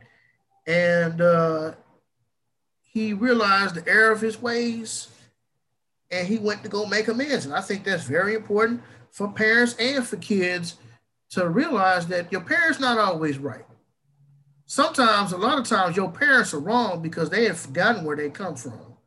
They've forgotten who they were when they were your age and the shit that they did. And sometimes you have to remind them hey, remember when you traveled halfway across the United States so you could propose to mom or grandma because you she was just that important to you, you know, I'm talking about just whatever the case may be. Yeah. A lot of times your parents are not right. Sometimes they who they were at the time and they, you know, in Akeem's position, he was so busy trying to live up to his father, much like T'Challa was in the Black Panther, that you lose sight of who you are and who you should be.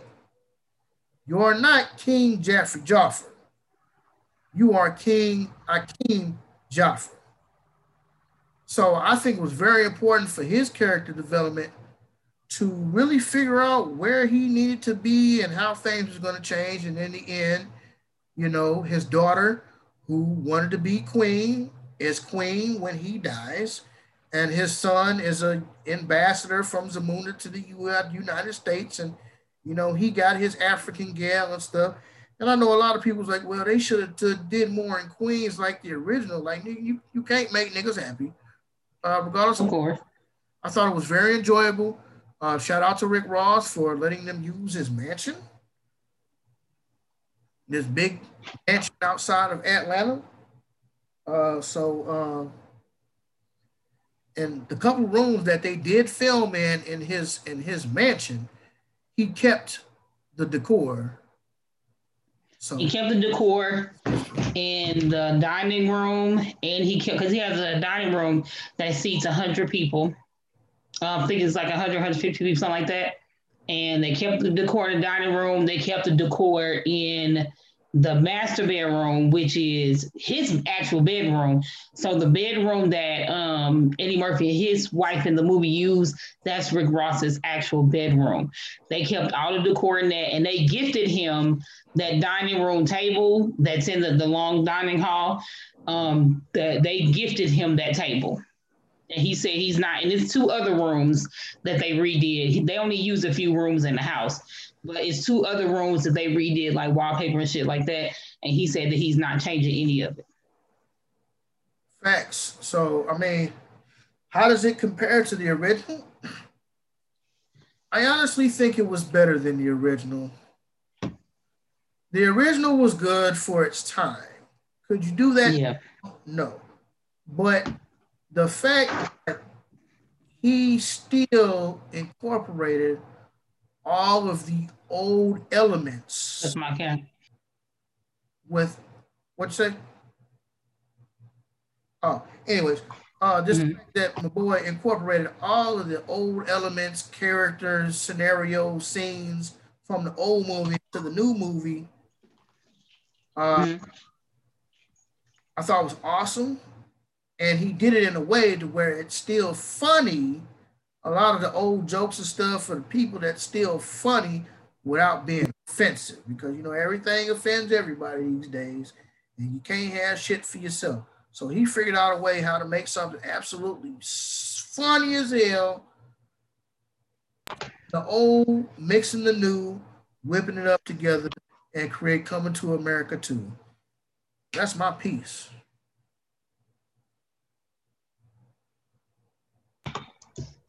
Honestly, as far as that movie is concerned, I don't think there's a compare from between the old and the new one. I don't. I I just don't want to compare it. Hmm. I feel you. I just compare it as to say that it was equally as good. I actually thought it was better than the original. Uh, mm. Simply because a lot of remakes can't stand up to the original, especially over a 20, 20 30 year time span. True. Uh, I mean, Lion King did it. They didn't come out with another sequel for like 15 years. They did it. But it's really, really hard for you to come up with an entirely new movie sequel to something that people love so much it's a staple. Coming to America is a staple in almost every Black American household. Yeah. Everybody know Coming to America. Oh, say, can you see? That's horrible, John uh, Legend bullshit. Oh my God, John. Uh. I, I tried to warn you. I tried to warn you. I don't even like John Legend. He got a few songs that I like, about two. But other than that, I don't really like John Legend. But anyways, that's that's all I got to say about it. I mean, I enjoyed it, and uh, I'm looking forward to Eddie Murphy's next project. My old, they even brought old boy back. The dude who was singing. Listen, I was like, I can do this. I can do this. When I seen him, I was like, okay, I can do this. I can do it. Um, I'm just glad that a lot of people are actually willing to come back. Um, I, I liked it. A lot of people was hating on it because it wasn't like the first one. I did see some of the views you said where people were talking about, oh well, they should have did more New York. But it's like this isn't about him coming. He he came to America, but he came to America this time to find his son to bring him back to Zamunda. Right. This isn't about him staying in why America. Would, why would a dude from Queens stay in Queens to find his bride, even though his daddy's African. That doesn't even make any sense. At all. Doesn't make no sense. But uh, I thought it was dope. I'm hoping he do some more projects and don't just disappear. So I say it's about time we wrap up this rendition of the Socially Conscious St. Louis podcast.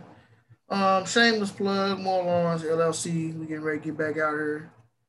Uh, Made by brother Metu Jalo. You see the more lawns. It's my business card. Uh, completely not ready for lawn season, uh, but That's life. You know, I had some issues with the truck over the winter that I did not expect and cost me far more than I had anticipated. But uh, it is what it is. You know, it ain't gonna stop me from doing what I gotta do. That's gonna make nature of the business sometimes. It's gonna make me hustle that much harder. So, I mean, uh, that's all I got. G. you were supposed to tell us about that knock at your door. I guess we'll talk about that off camera. Oh, that. Oh, that was the nigga down the hall. Mm. Across the hall, but the nigga down the hall wanted me to take him somewhere to go get his food stamp card. And I'm like, I ain't going nowhere tonight. Even if it's just around the corner, I'm not going. If it's just around the corner, you can walk. I'm not going nowhere tonight. But I don't know what to do beyond. And I will just say it's some pluses to living in community housing. Uh, I basically live in a dorm. I live in a dormitory for men. There's some downsides to living in community housing, and sometimes you have neighbors come knock on your door or have beef with other neighbors because you supposedly stole a gale. Uh, but nigga, you you seen me all day earlier through the day, all type of stuff, and you want to wait till eight, nine o'clock at night to be knocking on my door. Hey, could you take me around the corner? What? First of all, nigga, I know you ain't got no money, so I ain't trying to take you nowhere. I don't hmm. coming out the house to run errands with my Gail. The fuck makes you think that I want to run errands with you, nigga? Why would I want to do that? I don't want to do that.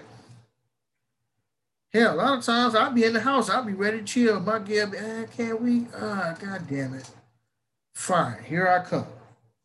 But I only do that because that's my lady. But that don't mean I want to do it. But even her, she know, hey, we we gonna make a couple handful of little stops. That's gonna be it. Mm-hmm. We have to be in for the rest of the night. I ain't running all over creation. not running all over creation. I ain't trying to be posted up your people house for three hours. I'm afraid there's three episodes of Blacklist, and you still out there talking to your people. You love your family and all that, but uh, God damn it, uh, I'm, I'm not trying to do, do all that. So no, so I just politely told him I'm not coming out of the house tonight, not moving the truck, especially considering I'm low on gas anyways. You know, it's been hard. It's been a hard couple of weeks because you know I had got suspended for them two weeks, and I had like half a check, and I had like another half a check then the last check, I had a deficit because I got all type of payments and shit coming out of my account with the money that I don't have because these bullshit ass things suspended me on some bullshit. So it's a little rough. It's a little rough. Then, you know, still be trying to run errands with Miguel and shit. You know, she ain't, too much offering them no gas money. But I understand her position. I understand her situation. So I don't hold it against her. But I just wish I had a little rice burner sometimes, A little Honda, you know, little Toyota Camry, Corolla, something like that. Yeah. Cylinder that's good on gas.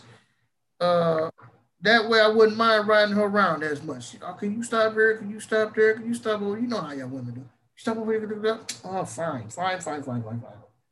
But we gonna have to hurry it up because I ain't trying to be here all day.